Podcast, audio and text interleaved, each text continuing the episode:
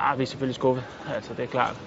Vi har haft en del chancer for at komme derhen, jo, så øh, ja, så lige nu er vi, øh, er vi skuffet, men øh, vi, vi er også realistiske, ikke? Altså, vi ved godt, vi, vi møder USA nummer to i verden, så øh, men jeg synes, vi gav den et skud, og vi gjorde, hvad vi kunne, så, øh, så mere kan vi ikke rigtig gøre.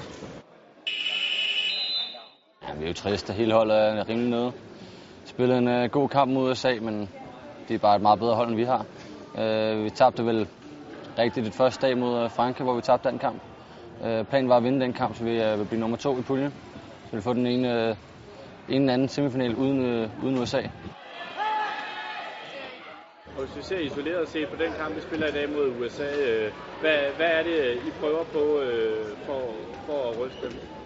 At vi prøver at komme aggressivt ind, altså aggressivt ind, og så, øh, og så altså, tage deres mand ud af dem, der inbounder, så, og så spille noget, øh, noget contain, det vil sige overside på dem. For vi mand for mand er vi sådan set øh, er hurtigere end dem, i hvert fald, når vi har set inden, ikke? Så, øh, så har vi en chance for at stjæle den der på den måde. Ikke? Men øh, de er bare, altså, de kommer med power på hele tiden. Altså, det, det er fandme svært, altså.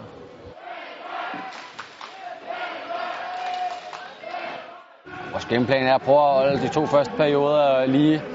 Det lykkedes lidt i første periode, men ikke særlig godt. Uh, og så i anden periode begynder de at trække fra. Vi laver nogle dumme fejl.